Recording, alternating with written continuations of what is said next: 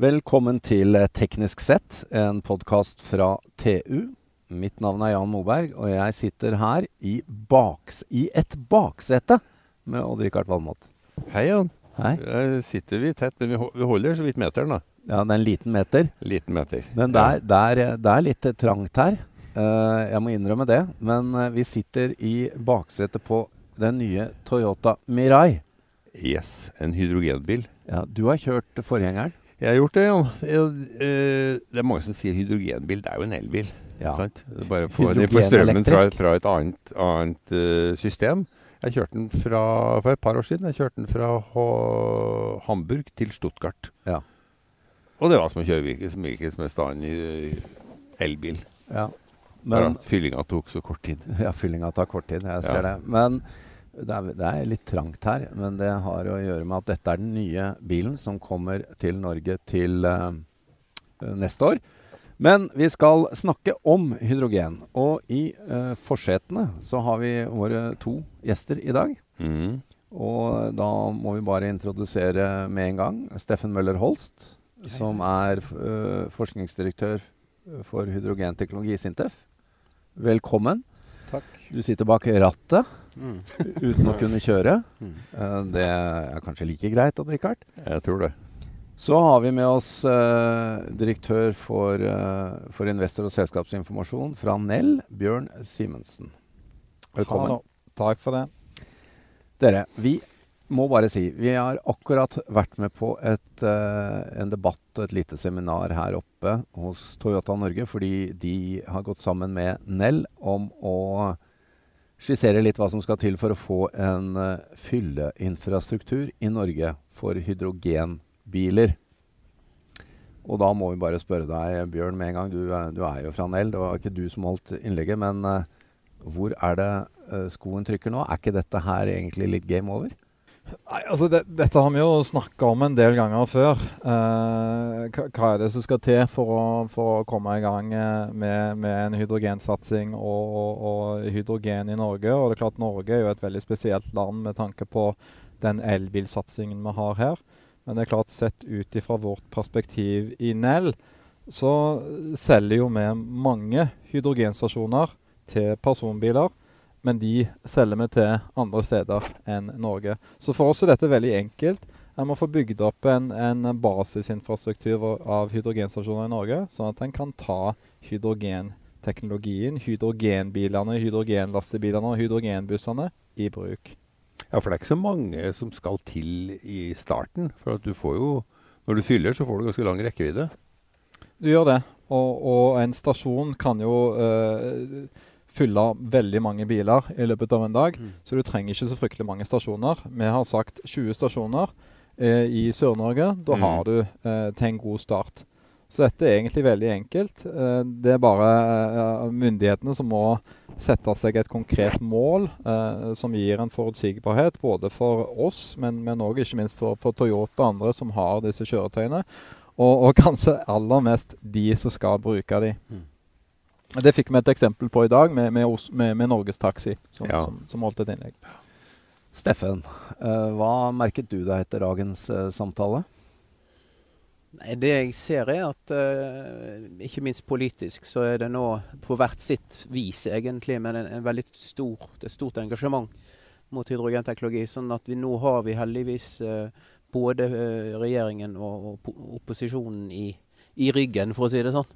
Når det gjelder å, å, å se mulighetene eh, for verdiskaping knytta til hydrogen. Og det er kanskje det viktigste. for det, Sånn som Nell og, og, og brukerne har egentlig stått klar lenge. Men det har vært virkemiddelapparatet som ikke har vært helt tilstrekkelig for at vi har kunnet utløse eh, det, de mulighetene som ligger i hydrogen. Men det er jo, det er jo viktig, da. Du, du sitter jo hos Sintef og ser de store linjene også, også bortenfor personbilmarkedet, og det er kanskje der det skjer mest. Altså, Odd Rikard skrev nylig her om Airbus som skal ha fly på vingene i løpet av relativt få år, og vi har lastebiler og tog og maritimt. Så dette er jo en infrastruktur som kommer litt uavhengig av eh, diskusjoner rundt privatbilen, er det ikke det? Jo, eh, i den forstand at eh, disse andre applikasjonene vil dra mye mer volum i en tidlig fase. Eh, sånn at du kan komme opp på et volum som gjør at, at du kan egentlig ha en synergieffekt, eh, bi, biprodukt, holdt jeg på, å si, i forhold til at du kan få en beskjeden, beskjeden ekstrakostnad også fylle personbil. Men dere har helt rett at de, de segmenter av transport som, som der batteriteknologi rett og, slett, rett og, slett ikke strekker til, der er jo hydrogen eh, virkelig eh, løsningen for nullutslipp. Og de, de, er jo de tunge, store kjør, kjøretøyer og fartøyer eh, i, til lands og til vanns og i luften med. Ja, føler du, altså Norge har jo en veldig sånn tung marin klynge, og der er det allerede en del hydrogen på gang. Mm. Uh, føler du at det er på en måte krumtappen? At det er det marine som er krumtappen i den norske hydrogensatsinga, og at langtransport kommer som nummer to? Nei, jeg tror jeg ville snudd litt på den. fordi at uh, Når du ser på, på, regelverk som skal på plass i forhold til maritimt, så tror jeg at vi er enda raskere på knappen eller i gang med tungtransport hvis vi nå går for fullt på tungtransport, så tror jeg den i, i volum kommer før maritimt. Ja. Fordi det er mange ulike segmenter av den maritime transporten som til enhver tid må Du må ha, ha regelverk på plass for at disse eh, fartøyene, typisk hurtigbåt, eh, ferger, eh, skal kunne både godkjennes og, og, settes i drift. Men begge disse segmentene kommer nå i god tid før 2025. Ja, og hvis du skal høre på Airbus, da, så sier jeg at eh, fly, fly, skal være i gang i 2035. Mm. Og da må jo hydrogenproduksjon uh, være, være, formidabel for å fylle fly. Det, det, krever mye. Ja da, og da er det jo snakk om flytende hydrogen. Det er det jo til, sted, til dels også i, uh, i større fartøyer. Og uh, bl.a. Daimler har jo sett og ment at flytende hydrogen også for de tyngste lastebilene kan være den beste løsningen? Vi, eh, ja, det er egentlig som hevder at du, du får ikke nullutslipp utslipp på, på, lastebil og trailer uten bruk av hydrogen. Ja, Det mener jeg er en, en meget riktig konklusjon, i den forstand at du har, selv med de mest optimistiske for, uh, fremtidsutsikter for batteriteknologi, så vil du miste så mye lastekapasitet Uh, sånn at uh, den batterielektriske løsningen er ikke, er ikke, noen god, fullverdig løsning. Det som skal transporteres i en lastebil, er gods. Ja. Og, og ikke ingen, enda flere batterier? Nei. Og, og det er ingen ja. tvil om at her er jo allerede de lastebilene som vi kjører i Trondheim på uttesting nå, der er drivlinjen for hydrogen og brenselceller eh, den er lettere enn dieselløsningen. Mm. Så du har faktisk økt Eh, litt økt lastekapasitet i dagens hydrogenlastebiler. Mens det er tvert imot på, på batteri. Ja. Vi, vi, må bare ta kjapt her, eh, Odd-Rikard, uh, mens vi husker det.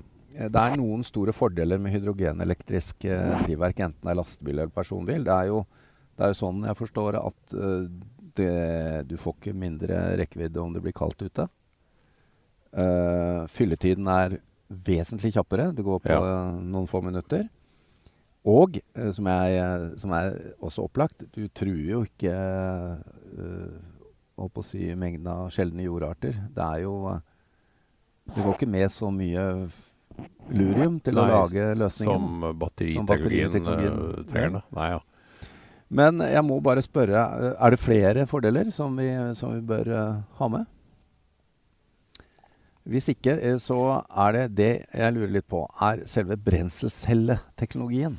Hvor er den? Er den Altså, vi vet jo at alle andre områder, batteriteknologien, uh, blir uh, både rimeligere og mer tettpakket energi. Mm. Solceller får økt virkningsgrad og faller i pris. Hvor er brenselcellen hen i, i dette bildet? Hvis jeg får kommentere på det, så, så er det jo sånn at, at den forrige modellen Mirai, som både Odd Rikard og jeg kjør, har kjørt og kjører, um, den gikk jo uh, under uttesting 100 000 km uten noe som helst uh, tekniske problemer. Den, man byttet bremseklosser på den, og, og, det var det. Og fylte hydrogen. Uh, så disse, altså på personbilsegmentet så har man mer enn nok, mer enn nok levetid. Eh, men det som er utfordringen når vi går til tyngre lastebiler, er jo at en, en tung lastebil kan gå 70 eller 100 000 km på et år. Så ja. det at for personbilsegmentet så er hydrogenbrenselcelleteknologien hydrogen-brenselcelleteknologien eh, veletablert og mer enn en god nok. Men så er det de krevende segmentene der både maritimt og, og Tog og tog, lastebil. der du har veldig mye lengre årlige kjørestrekninger, eller lengde på altså mange kilometer du kjører på et år. Og da må man ha mye mer bestandige og leve altså, eh, mer robuste eh, brenselsceller. Og da må man opp. Da blir de typisk no, Du setter de sammen på en annen måte. Det blir akkurat som en, altså en, en forbrenningsmotor i en lastebil er jo hvis du overhaler den jevnlig, så kan den gå en million eller for den saks skyld to Ja. millioner kilometer. Mens for en personbil så er den 200 000-300 000. Det er helt OK, for bilen, personbilen står stille 95% av Ja. tida. En, en ferge går kanskje 16 timer i i døgnet. Ja. Men eh, den her, eh, de bussene som går i London nå, de har jo gått da 40 000 km. Så man klarer å Hydrogenbusser, da. Eh, 40 000 km. Nei, 40, 40 000 timer, unnskyld. 40 000 timer. Og det er jo sånn at man, man, man er der, eh, også med, eh, med de første versjonene av tungtransport eller brenselceller for, for de tunge applikasjonene. da. Det er jo fem års eh, døgndrift, det. Døgndrift, ja. Men hva er prisutviklingen på å lage disse brenselcellene? Det, tidligere laget man jo rett og slett i et laboratorium. Nå er det vel satt i masseproduksjon? Ja, det var det Toyota sa når de lanserte sin forrige eh, Mirai. Da sa de at de hadde redusert kostnadene med 95 Ja. Ja. eh, i de foregående ti årene før den. Og de har jo sannsynligvis redusert den ytterligere. Og som eh, Espen Aasen fra Toyota sa her nå, så skalerer det jo opp med tigangen på, på sin produksjon i, i Japan. Som, eh, som, som er akkurat det samme tallet vi skalerer opp med òg, når vi skal øke vår Mm. elektrolyseproduksjon. Og jeg tror grunnen til at vi nå ser at uh, hydrogen-brenselcelleapplikasjoner eh, nærmest popper opp som, som, som paddehatter overalt, det handler om at uh, nå har en tatt brenselcelleteknologien til et punkt hvor den er lagd som, som en slags motor. Altså, en det, det, det, det, er en modul Ja. som, som, som eh, de eh, eh, kjøretøysintegratorene finner i katalogen.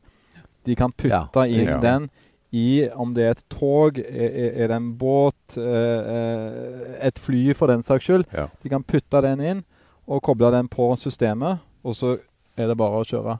Mm. Så, Så så det, det det, det er det virkelige som har skjedd. Mm. Det er volum som skal til nå for at du skal få ned prisen. Altså Det ser man veldig tydelig.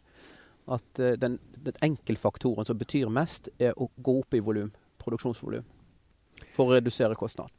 Jeg hadde et intervju med den tekniske sjefen i Airbus for et par uker siden, og han sa at de flyene som de, de skal produsere nå, de skal forbrenne hydrogen. De skal ikke bruke brenselcelle. De skal bruke en brenselcelle også Mm. eh, til å lage litt strøm, men som kjernen i motoren. Så den vil få en, en, altså en elektromotor for å liksom hjelpe til i starten, nærmest som en etterbrenner, og så vil de forbrenne hydrogen. Mm. Det er litt eh, Jo, ja, er det ikke hydrogenelektrisk? Ja, men du, det- du, Nei, vil det er ikke begge, det. du vil nok Ja. se begge deler, Altså, tror jeg. Ja. Opp til mellomstore fly så er det ren bremsecelle. Ja. Men skal du virkelig langt, så ja. er sånn at flymotorer er det mest, omtrent det mest kompakte i forhold til hvilken effekt du får ut fra et, Ja. i forhold til en viss vekt. Og, og Kawasaki Heavy Industries har jo kjørt en 1 megawatt ren hydrogenbrennende gassturbin i mer enn to år i KB. Ja. Og det funker. De har utviklet en egen brennerteknologi. Men det som er enda mer spennende med det som Airbus sier her, er at du skal kombinere en elektrisk Altså du, du har en kombinert eh, turbin som kan drives elektrisk fra brenselcelle, Ja. Eh, men den kan også brenne hydrogen. Så det blir en mer kompleks eh, motor. Men i, i, i framdriftsøyemed så er, den, er det én enhet. Mm. Altså Du trekker jo luft igjennom, og så brenner du det, og så dytter du opp bak. Men på de, når du cruiser, så kan du kjøre på brenselceller. Det er det du tar av, så må du ha ekstra kraft. Og da trenger du den egenskapen som en gassturbin har. Ekstremt energitett. Altså effekttettheten er kjempehøy på en Ja. gassturbin. Eh, det som henger på en, en flyvinge i dag, er jo en, en, en gassturbin. Jeg, jeg tror nok en del vil ha brenselceller eh, om, om bord. Ja, de- både, ja, både de mindre flyene og de større. Ja, ja. Og litt fordelen der er at du, du produserer jo vann mens du flyr. Så da slipper du òg å ta med deg eh, like mye vann når du skal opp i lufta. Det regne mye mer. Odd-Rikard. Det blir, det blir mer contrails, og da får du konspirasjonsteorier. Det var jo det som var utgangspunktet for at brenselscellene ble utviklet for romfart. Ja. At du Ja, med, vann, fikk produsert vann, Vann. til astronautene ja, i, i in space. Og det er jo noe av det tyngste du har med deg. Dere, vi, eh, vi må ta opp et tema til før vi eh, gir oss her inne fra denne eh, litt Nå er det litt sånn foggy på vinduene. Ja, ja. Det er ikke så rart. Vi sitter her og puster og peser. Vi har eh, en regjering som nettopp la fram eh, noen tiltak nettopp for hydrogen. eh, Vi får kalle det hydro hydrogenrelatert industri. 100 millioner kroner skal de bevilge, eller ha- er planen, da, for neste år. Det høres mye ut, og endelig vil kanskje dere si, men, men eh, hva er eh, reaksjonen? Er det nok, og hva gjør andre land? Bjørn, nå- vil du begynne? Ja, det, det, det, det, det kan jeg gjerne. Det kan jeg gjerne. Eh, 100 millioner eh, høres jo mye ut hvis det er snakk om en eh, lottogevinst. Men, men det er klart, eh, med tanke på, på det vi skal gjøre nå med hele energisystemet, med transportsektoren, med industrien etc., og ikke minst den konkurransen, rett og slett, vi, vi ser der ute nå, så, så bleikner det litt. fordi eh, Som et eksempel så så vedtok jo Spania dagen før eh, en, en nasjonal eh, eh, satsing, et veikart, på 100 milliarder Milliarder? eh, kroner. Altså Mm. 1000 ganger eh, mer enn det. enn det Vi er en promille av Spanias satsing. Så, så til, til forsvar for Norge, så, så, så, var det jo, så var det jo ikke det veikartet da, som, som eh, Erna har, har snakka om skal komme. Men, men det er klart, når en, når en snakker om 100 millioner kroner og en historisk satsing, så det det, blir litt flaut, rett og slett. Ja. Vi kan jo håpe på at dette her er, er en start på noen ting. Og at spanjolene tar en spansken er jo også en, en, en, en grei eh, erkjennelse. Men Tyskland Tyskland er jo også på det nivået der 90 milliarder kroner på hydrogen. Og det, det, det som er kjernen i de eh, satsingene der, er, er industrireising. Eller det er Ja. verdiskaping i bunn. Og Større Siemens, som er konkurrenten Nell f.eks., de vil kjøre inn kapital sånn at disse selskapene vinner markedsandeler i en global utvikling. Fremtidens industriutvikling. Ja. Det er det det handler om. og må, det Her må vi faktisk evne i det nye veikartet som skal på, på plass, å gjøre noe tilsvarende. Sånn at vi stimulerer, og ikke minst få til et hjemmemarked. Sånn at underskogen av underleverandører er med og løfter hele norsk næringsliv inn i den framtiden vi snakker om. Mm. Ja, hva, hva sier du, Odd Rikard? Der høres det ut som vi har eh, enda en podkast uh, gående. Hydrogenpodden. Hydrogenindustrien. Ja, det er- altså det, er- det, er- jeg tror det er veldig viktig. Altså, Norge har jo, har jo produsert eh, elektrolysør i snart 100 år nå. Ja. Uh, vi er vel kanskje den nasjonen i verden som har hatt lengst kontinuerlig produksjon. Det her begynte jo med eh, Norsk Hydro for å skulle lage eh, gjødsel. Mm. Men, så vi, vi har en stolt tradisjon, og det er jo Nell vi, viderefører av. Så vi bør jo virkelig trykke til. Vi har jo, vi har jo mye i bånn. Det har vi. To avsluttende kommentarer. Bjørn, Steffen. Hva, hva, er, eh, hva er den første Hva er type quick win nå for dere? Det er at eh, det kommer et, eh, et program eh, for infrastruktur pluss eh, noen store industriprosjekter i Norge. Ja, og målsatt eh, Altså den, en, en, en, et veikart med, med måltall. Der vi har satt oss konkrete mål, sånn som man ser i Tyskland, i Spania, i Frankrike. 1,5 milliarder eh, euro til Airbus, f.eks. Da er vi i gang. Da er det vi eh, får si som eh, vi alltid sier, eh, Rikard, at eh, her må vi bare komme tilbake og høre mer. Det må vi definitivt en gang her. For, for denne gang er det bare å takke, takke til Bjørn Simonsen i Nell og Steffen Møller Holst i Sintef. Og takk til deg, Odd Rikard Valmot. Mitt navn er Jan Moberg.